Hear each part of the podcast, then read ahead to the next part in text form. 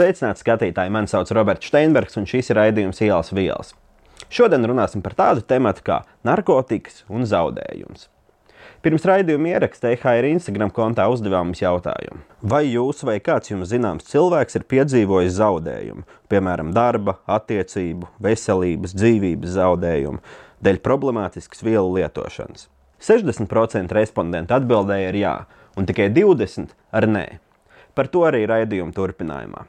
Bet sākumā viesa vizītkarte. Diana Odumiņa saskārusies ar zaudējumiem vielu lietošanas kontekstā vairāk kārt. 28 gados pārduzēja viņas dēls Klāvs. Pēc tā vairāk kārt saskārusies ar savu dēlu draugu nāvi. Ir gatava dalīties ar savu pieredzi publiski, lai palīdzētu citiem. Cik daudz dažādos līmeņos ir nācies saskarties ar zaudējumu vielu lietošanas sakarā?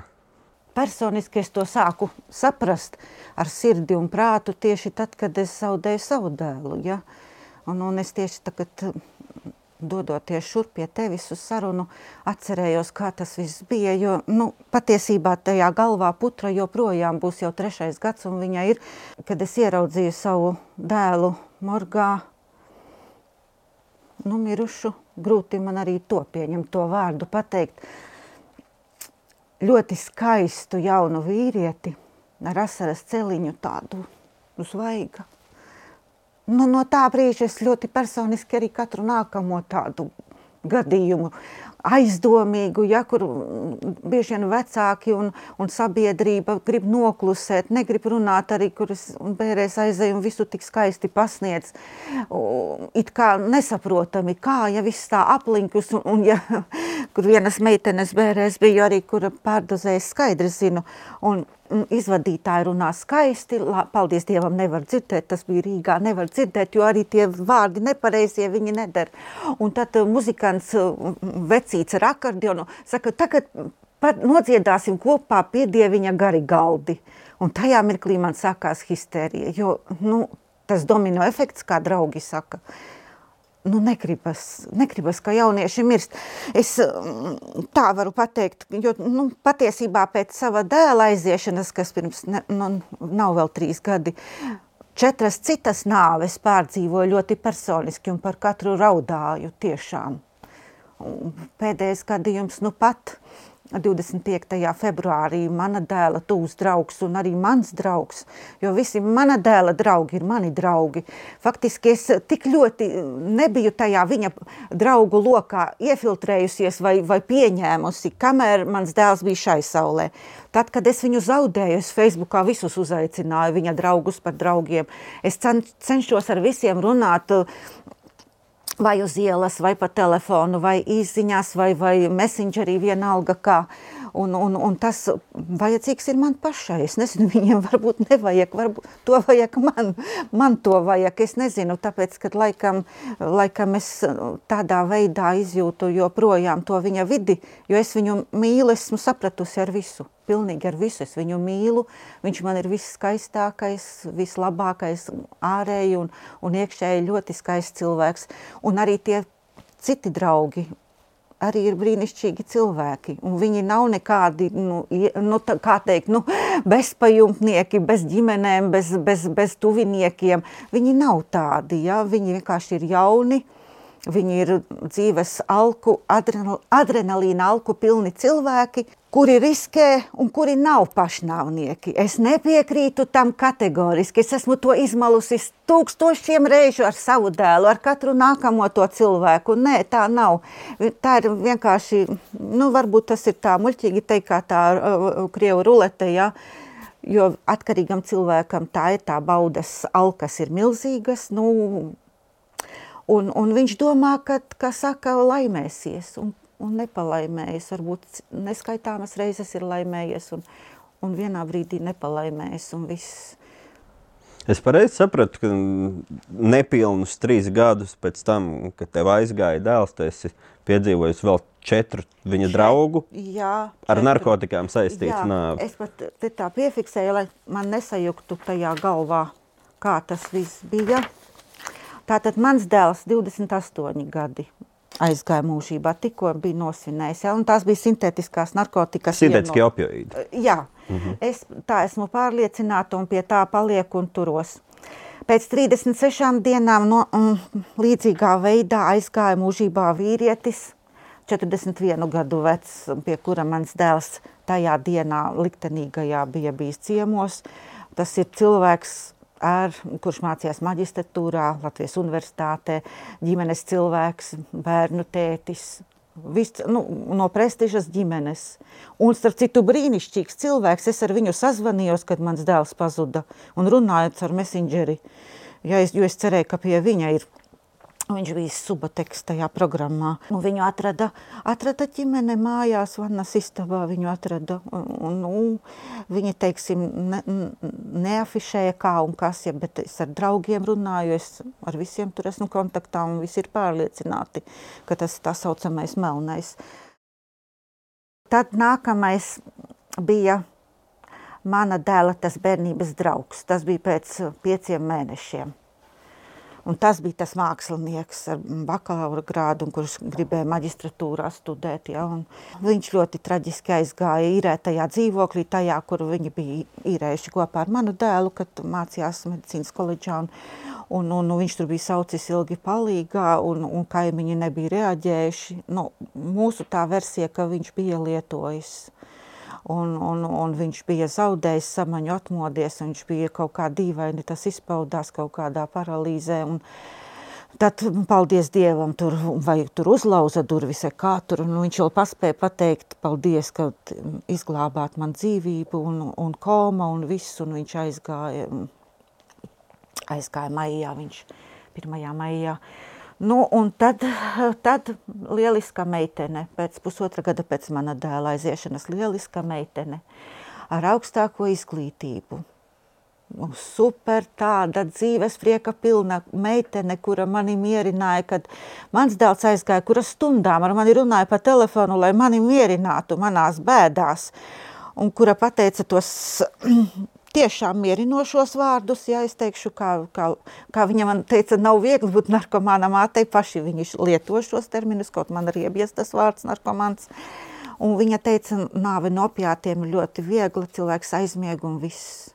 Un, un tā meitene ar viņu, es, nu, viņu es satiku divreiz mūžā. Vienreiz es, kad ko es pēc dēla aiziešanas, tādu tur ballīti ar draugiem. Uh, Un es pie viņas nakšņoju, mēs gulējām vienā gultā, un viņa vēl, teica, viņa vēl teica, tu kā mana mamma, viņa zaudējusi mammīti. No, meitene tā, viņa 40 gadu jubilē nesagaidīja. Es biju arī uz, uz, tām, uz tām viņas bērēm.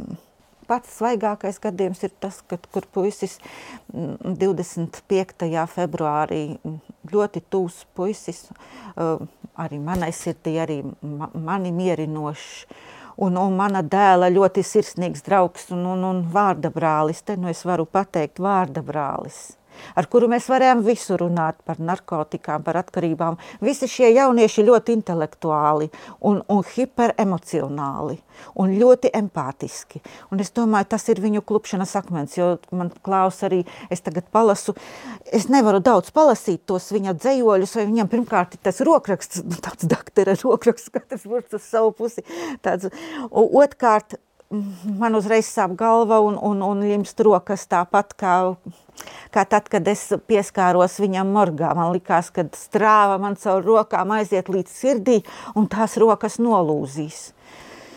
Tāpat man joprojām ir, bet es palasu, ka viņš saka, būtu labi, ja es mīlētu tikai sevi un vairāk nevienu, ja es nebūtu tik empātisks. Un katru reizi, kad kaut kāda nu, līdzīga atgadījums, līdzīga nāve zināmam cilvēkam, tas kaut kādā veidā nu, neuzplēš tās pagātnes brūces. Vai... Uzplēš, uzplēš. Un es pat teiktu tā, ja kaut kā es klāvu sapnī redzēju visu laiku, un katru reizi, kad mostos, es pierakstu to sapni priekš sevis telefonā. Un ilgi, un tagad tas apstājās tagad ar vārda brāļa aiziešanu mūžībā nu, ar katru to, par katru šo cilvēku es esmu raudājusi balsī, par katru. Ja es samīļoju savu dēlu Morgā, tad es biju pie šī vārda brāļa arī Morgā, ar, ar, viņa, ar viņa mammu kopā, un arī viņu sabučoju, samīļoju. Un nu, tā ir. Tā ir, tas, tas ir briesmīgi, kad, kad tie jaunie cilvēki, nu, šim klāvam viņš mazliet pietrūka līdz Jēzus Kristus apskaidrības vecuma tiem 33 gadiem. Varbūt būtu sasniedzis, varbūt dzīvotu tālāk.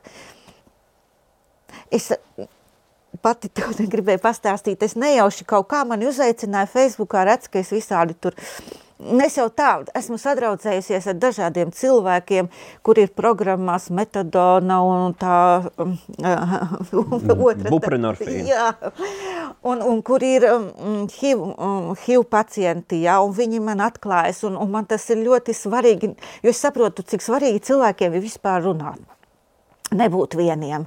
Mēs, un, un vieni mani, kaut kāds puisis mani uzaicina tur tādā slēgtā grupā, kā atbalsta grupa Facebookā. Un es piekrītu uzreiz, es paskatos gejs jau.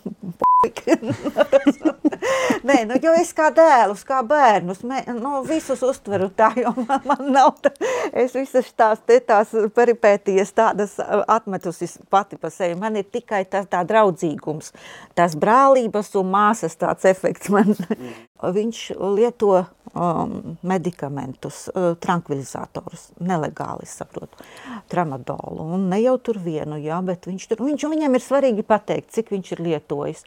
Un mēs ar to otru meiteni, kura ir māmiņa, kura ir savukārt metadona programmā, reģionā tālu prom, ne manā, es viņus vispār nekad neesmu pazinusi. Uh, ja kurai ir savas problēmas, tur ar bāriņu tiesu viss kas, un, un viņa nelieto jau tā, viņa nelieto ielu, un vispār neko nelieto jau trīs gadi, jo viņai ir mazi bērni, viņai tas ir svarīgi. Viņai ir brīnišķīga motivācija turēties kaut, kaut visiem šiem cilvēkiem viņiem ir grūti to, ja, ja viņi to ir lietojuši, jo, jo nekas nevar līdzināties, kā es kādreiz ar savu dēlu runāju, kad nekas nevar tai mīlestībai, nekas nevar līdzināties. Sevišķi, kur ir uh, intravenos un narkotiku lietotāju un opiātu, tas ir skaidrs.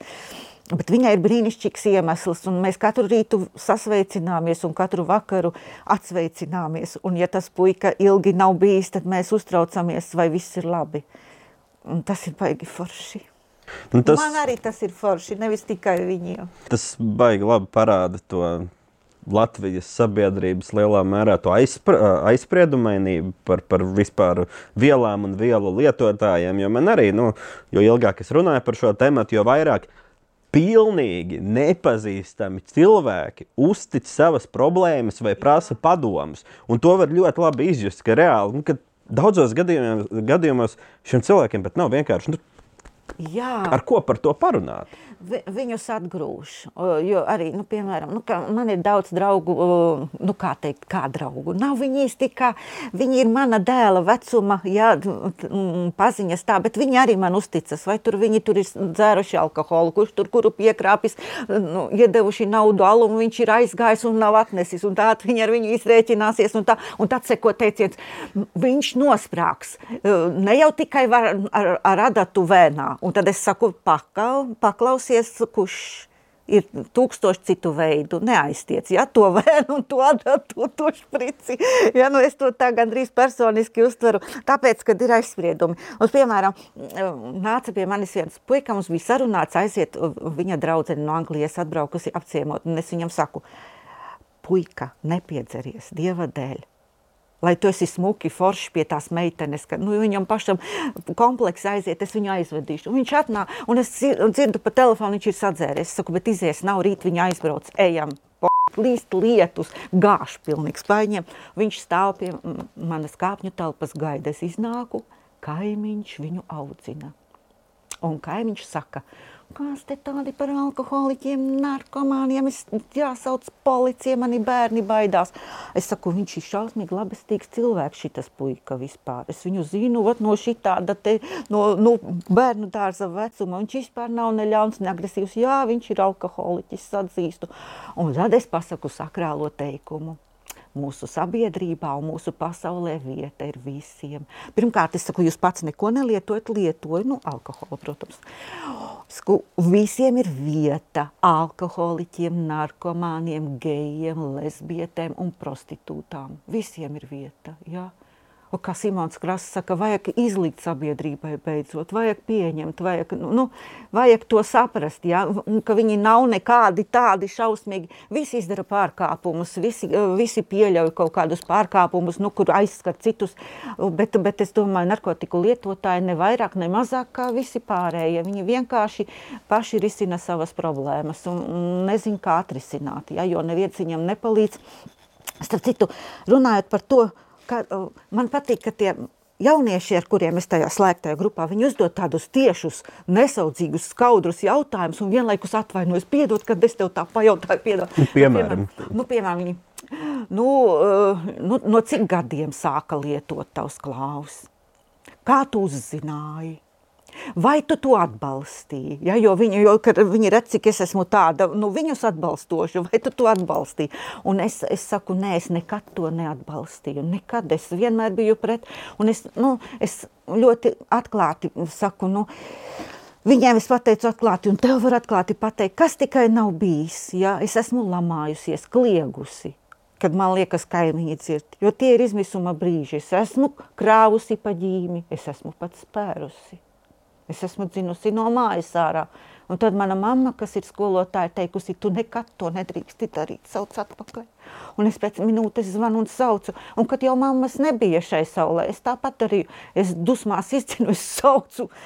Un visādi ir bijis tie sliktie brīži, kad viņš nav atrodams, ja? ka bez maz man jāizliek taro kārtis, kur ir, un, un, un ir kārts, nekas nenotiek. Un viņš patiešām, starp citu, ja es, man ar viņu tā nabas saite ir bijusi vienmēr, tad, kad viņš ir pārdozējis, es nekad netiku jutusi, nekad. Un es domāju, kāpēc tā? Acīm redzot, tāpēc, ka tā ir tā svētlaime, ka tur nav jājūt. Nu, tur ir, nu, laikam nav jājūt, jo visās citās situācijās es daudz ko esmu jutusi. Ir bijis visādi, bet tajā pašā laikā tas klaus kuru ietekmēja narkotikas un viss, un bija brīži, kad viņas ļoti vizuāli izmaina. Nu, cilvēkam ir sāpām pusi seja, protams, jā. Un kad viņš arī uzvedas, nu, kā ķēmis, kad viņš ir, viņam vēl samiksē ar alkoholu un vēl ar nervu zālēm, tām, kas oficiāli viņam izrakstītas.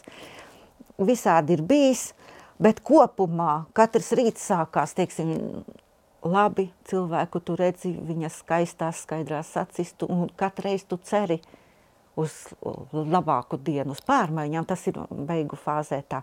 Bet patiesībā, ja viņš bija dumpinieks kaut kur no piektās klases izmainījās, viņa tas rokraksts bija pilnīgi savs, tā katrs burts uz savu pusi, tad, tad, un viņš bija dumpinieks un tāds, nu, dusmīgais putniņš tāds.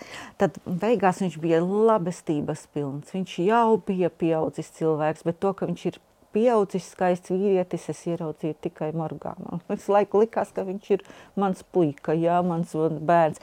Un tajā pašā laikā, kur tik interesanta tā viņa personība, kad es viņu izjūtu kā kaut kādu brāli vecāko, nevis kā, kā dēlu, kā brāli, brīžiem kā tēti, uh, kuram ir, kuram ir tāds vēsāks prāts un kurš nomierina mani, kad, kad man ir kaut kādas histērijas un, un emociju tādi izvirdumi, un kurš prot pateikt. Un, un, un jau maziņš būdams man sāp galva, viņš pieliek roku un man vairs nesāp, bet viņam tek asins pa degunu. Tā bija, viņš man tāds bija interesants. Un, un, un faktiski jau varbūt, nu kas tad mani mierina tajā, uh, gadījumā, un arī ar visiem tiem citiem jaukajiem bērniem, kurus ir zaudējuši viņu vecāki, un, un kur, kur, kur, kur arī man ir zaudējums, jo, jo viņi varētu dzīvot un dzīvot. Man mierina tas, ka es tomēr ticu tai mūžībai tagad, es ticu, tas man kaut kā.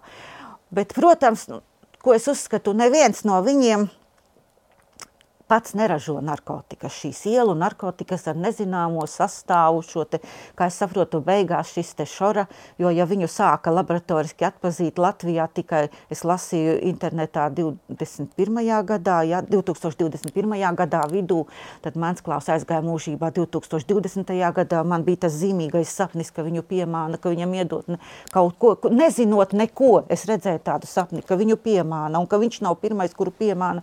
Es domāju, ka tur tas šora tur arī bija.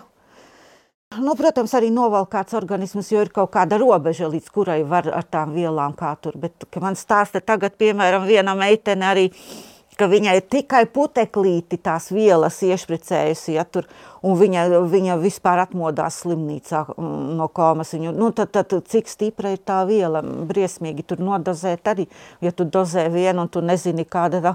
Ne, nu, arī tas tā neizglītotība, nezinu, nevien, arī es to visu sāku saprast pēc dēla aiziešanas. Man tagad tie jaunieši no tās atbalsta grupas, cik daudz tu zini? Un, nu, apmēram, kam tev tas vajadzīgs? Jā, viņi prasīja, kam tev tas vajadzīgs. Saku, tāpēc, ka ta, vismaz tagad es gribu zināt. Es gribu saprast, es varu pastāstīt citiem. Par visu es varu pastāstīt. Nu, manam bērnam ja bija C hepatīts, mēs izārstējām, un es zinu, kuriem citiem es visiem izstāstu, kā, kāda schēma, kā ārstēties. Ja, es biju gatava sastapt pat HIV. Mums nenācās, paldies Dievam. Bet, bet mana dēla draugiem ir, un es varu brīvi ar viņiem runāt, un man absolūti nav nekādu kompleksu. Es vēl viņus pamācu, ko es zinu, bet viņi jau paši visu zina.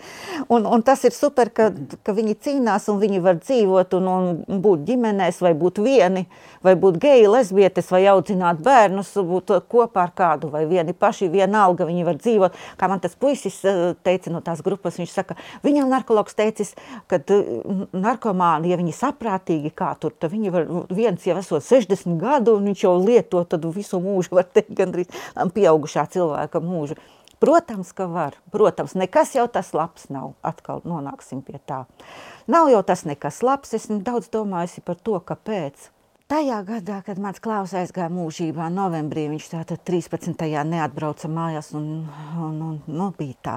Pirms tam augustā aizgāja mūžībā puisis, kurš arī, pa, nu, 19 gadu iestājās augstskolā, viņš kolosāls, saulains, zelta puika, vispār es viņu pazinu, es viņu sveicinājos un pārmījām kādus vārdus.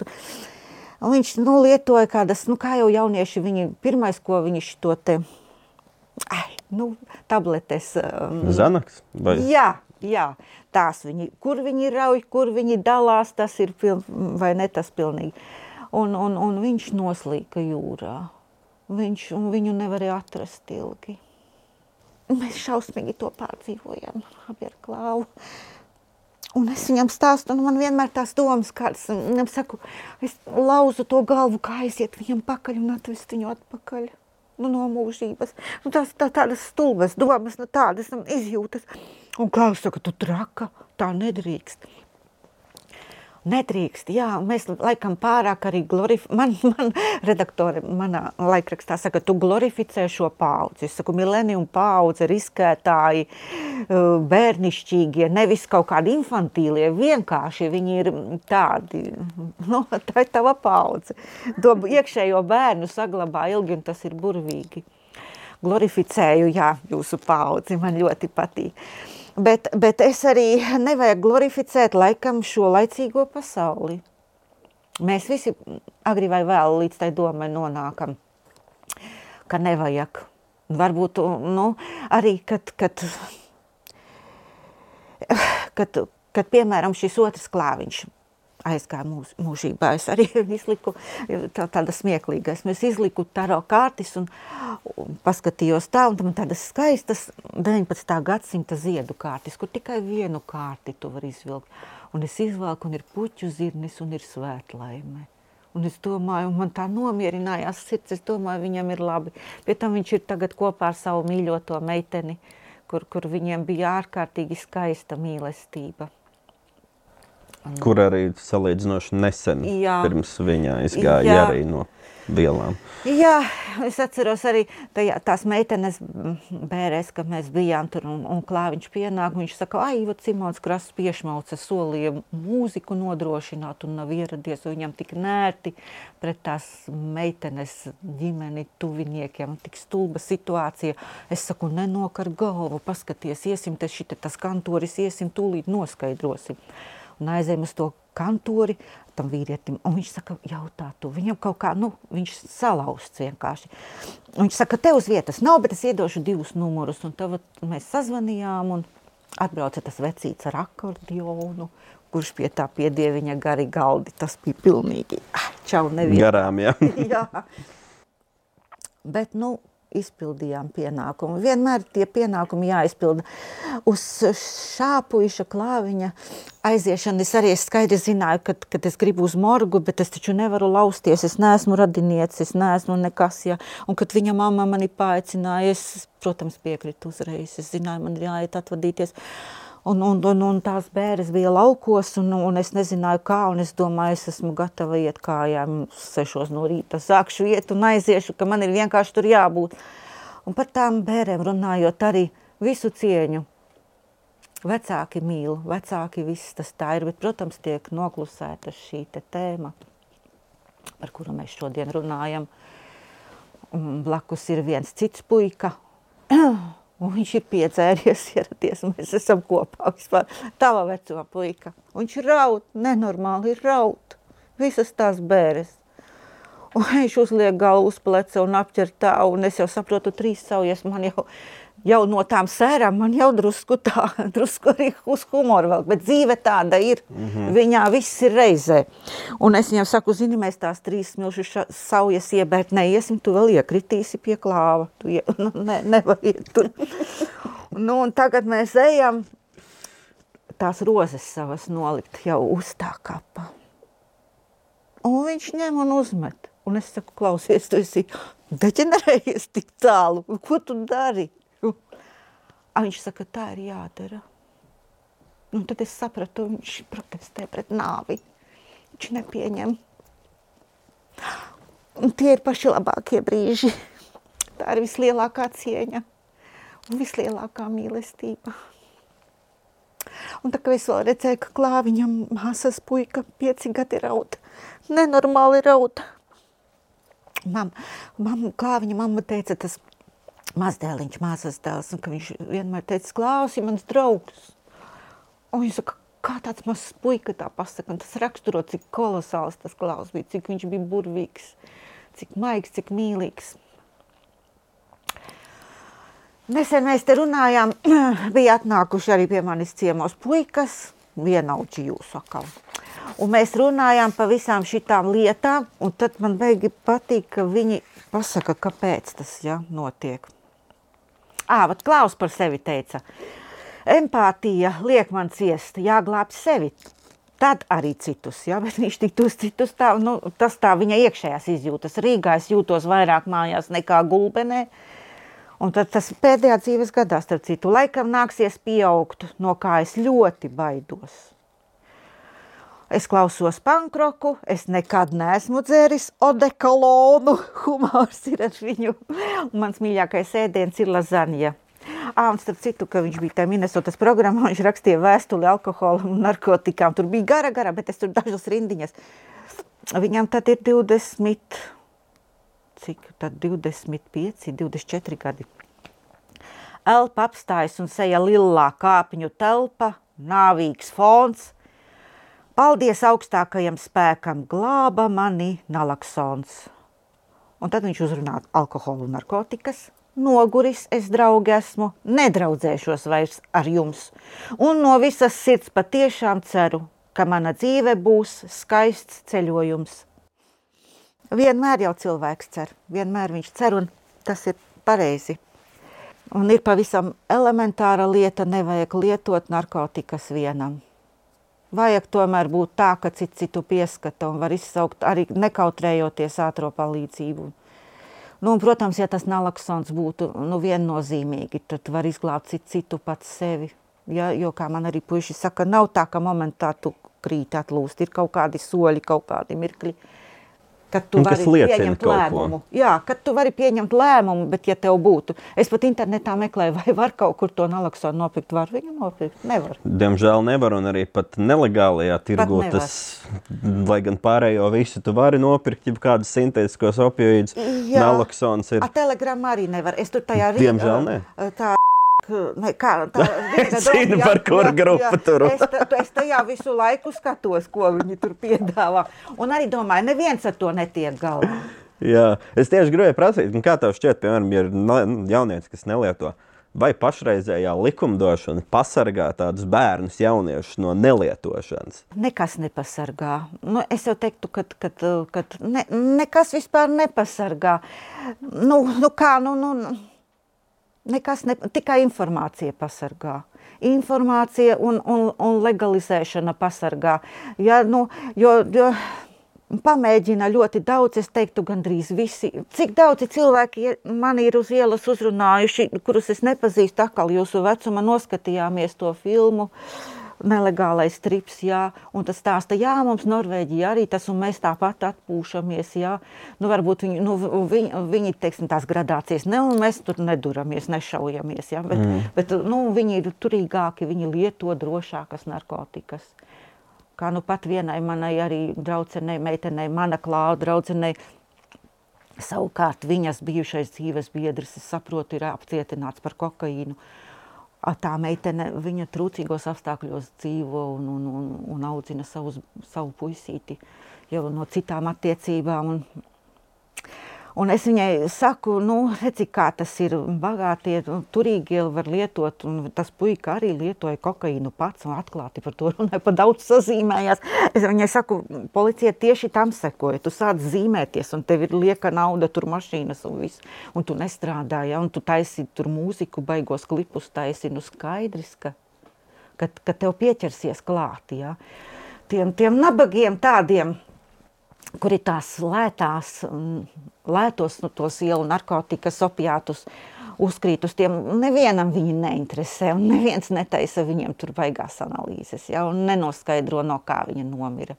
Jā, starp citu, kā bija šajos gadījumos, jo man tā pieredze ir, ka nu, nu, tur ir abs, absolūti acīm redzami, ka cilvēks ir pārdozējis, viņš ir atrasts ar šķirci vēnā, Bet viņam kā oficiālais nāves iemesls ir kaut kāda sirds mazspēja vai kaut kas tāds. Nu, manam klēlam arī bija tā sirds mazspēja kā oficiālais iemesls, ja, un, un tad es ilgi tā kā mocījos to, es tā, un, un, sirds mazspēja un vispār legālās vielas, alkohols un um, di, uh, diazepams. Manam klāvam bija tas, ka viņš miksēja tās vielas, no, lai attietu no narkotikām, viņam vajag alkoholu, lai attietu no alkohola, viņam vajag um, tranquilizators, lai atkal attietu no tiem atkal ko tur, un tas neveidzas nekad, un tas ir ļoti traki, viņš pats saprata, ka tas ir ļoti, ļoti traki. Bet nu, tā tas bija. Un tad es sapratu, ka, ka, ka es tā kā nevaru piekrist, ka nav taisnīgi, ka, ka valstī nerisina to problēmu, ka nenosaka, nu, ka man tas nav prestižs. Vai no tā, nu, man dēls ir vienalga, no kā viņš nomira, viņš man ir dēls, neraugoties ne uz ko, bet ka tomēr svarīgi valstī ir zināt, no kā mirst jaunieši, ja, ka tā ir problēma. Un, un man jau Klaus pirms, pirms viņš aizgāja mūžībā teica, es pat nepiefiksēju toreiz, tas draugs ir aizgājis tas, tas, un viņš, viņam ir tāds dzējolis katru dienu kāds aiziet aiziet, un ar vienu vientuļāks es palieku. Ja viņš viņus visus pazina, viņi bija viņa draugi. Dažādās Latvijas malās viņi dzīvojoši. Un, un, un es uzrakstīju caur Latviju valsts policijai vēstuli, nu, savam ķengaragatam iecirkni un, un adresēju ka es tomēr nu, visu to pa faktiem saliku, jo tur viņi nebija paskatījušies. Paņēma no morga visas drēbes, atrodu šprices tur kabatās, jā. Un es uh, arī tai uh, sievietei ārstei, kas to ekspertīzi taisīja, Margais, viņai, viņa man jautāja, kad viņam nu, sadurtas vēnas, viņam saku, jā, viņš ir intravenozo narkotiku lietotājs ar desmit gadu stāžu. Tas mani pārsteidza, ka, ka, ka nu, es nesapratu, bet tagad es pieļauju, kā attaisnojumu, ka varbūt bija šī jaunā viela, kuru nevar nekādu noteikt. Ja? Bet uh, suboteks, uh, pareizi es nosaucu. Jā. Tas arī bija. Es skaidri zinu, ja, un, un, un kā es tagad palasu, pēdējā laikā viņš bija lietojis visu. LSD, amfetamīnu, ekstaziju, visu. Viņš bija, jo ar to salauzto sirdi viņš bija pilnīgi, kā teikt, izgājis no kaut kādas kontroles. Un, un tā tas visu tas aizgāja. Un tagad es interesējos, ka šis otrs vārdabrālis aizgājis. Jautāju mammai, viņa neko nezināja, neko. Arī varbūt negribēja zināt, nu varbūt arī nevajag. Ja mēs uh, skatāmies par tādiem tieši oficiāliem iemesliem, un kā tu minēji, to testēšanu, tur ir nu, e, vismaz pirms pāris gadiem tā situācija bija tāda, ka realitātē notestēja kaut kādus 16%, uz, un arī ne uz visām vielām. Līdz ar to, un, un tie, kas netiek notestēti vai netiek notestēti uz vielām, ir, kuras viņi ir lietojuši, viņi neiekļūst tajā, sauksim to par narkotiku izraisīto nāvju statistikā. Un, un tas, diemžēl, savā veidā nosaka arī to mūsu valsts politiku, ka mums liekas, ka neviens no narkotikām nemirst, ka mums viss ir viss ļoti labi. Jā, mums kāds lieto, bet mums neviens nemirst, un mums pilnīgi nekas nav jāatrisina. Bet mums nav, piemēram, pat tā kā. Ja Lietuvā vai Igaunijā mums nav naloksona līdzņemšanas problēma, kas ir super uh, aktuāla mūsu nu, Latvijā, kur ir sintētiski opioīdi. Manam klāvam bija pārdozēšanas vairākas. Viņš man atstāstīja, pēc tam teica, pēc, vai ja ne uzreiz, tad pēc tam vai pienāk kaut kāda vēstule ar to naudas sodu, nu, ka, vai nu, administratīvo, jā, un es maksāju viņus. Tāpēc, ka viņu atkačāja? Jā, kaut tagad atkačā, man ir sajūtis. Jā, jau, ok, labi, tad nē. Bet bija viens konkrēts gadījums ļoti tāds smagāks, kad viņu, viņu savāca pēc tam, nu, ā, viņu savāca aizveda uz slimnīcu un teica, ka, nu, ka jātaisa tās analīzes. Mēs pēc tam tur pētījām likumus, ka viņš varēja atteikties un tā būtu mums materiāli, tas būtu bijis izdevīgāk, mazāk sots, nekā, ka viņš kā duraks piekrita visām analīzēm un tad iztaisīja pa pilnu programmu. Un tad gan man pat mājās ir kaut kur, tur parādās viss, arī karfentanils, viss, viss tur parādās. Un rēķins 300 eiro, un plus vēl visi administratīvais, jā, nu par to. Nu, nu, tur, vat, tad, kad piedzīt no, tā, no ģimenes, nu, vai nu, no viņa, teiksim, nu, protams, es maksāju, man klāsts nestrādāja.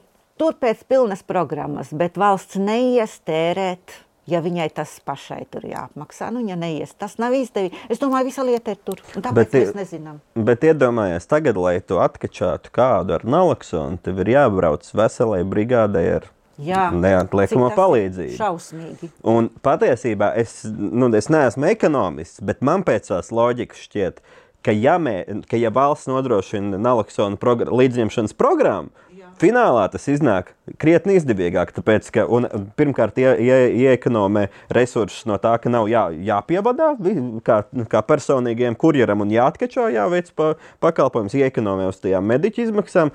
Un plus gal galā tie ir arī iekonomē cilvēka resursi. Respektīvi, ja kādam paliek slikti, tad tā mediķu brigāde var doties citur.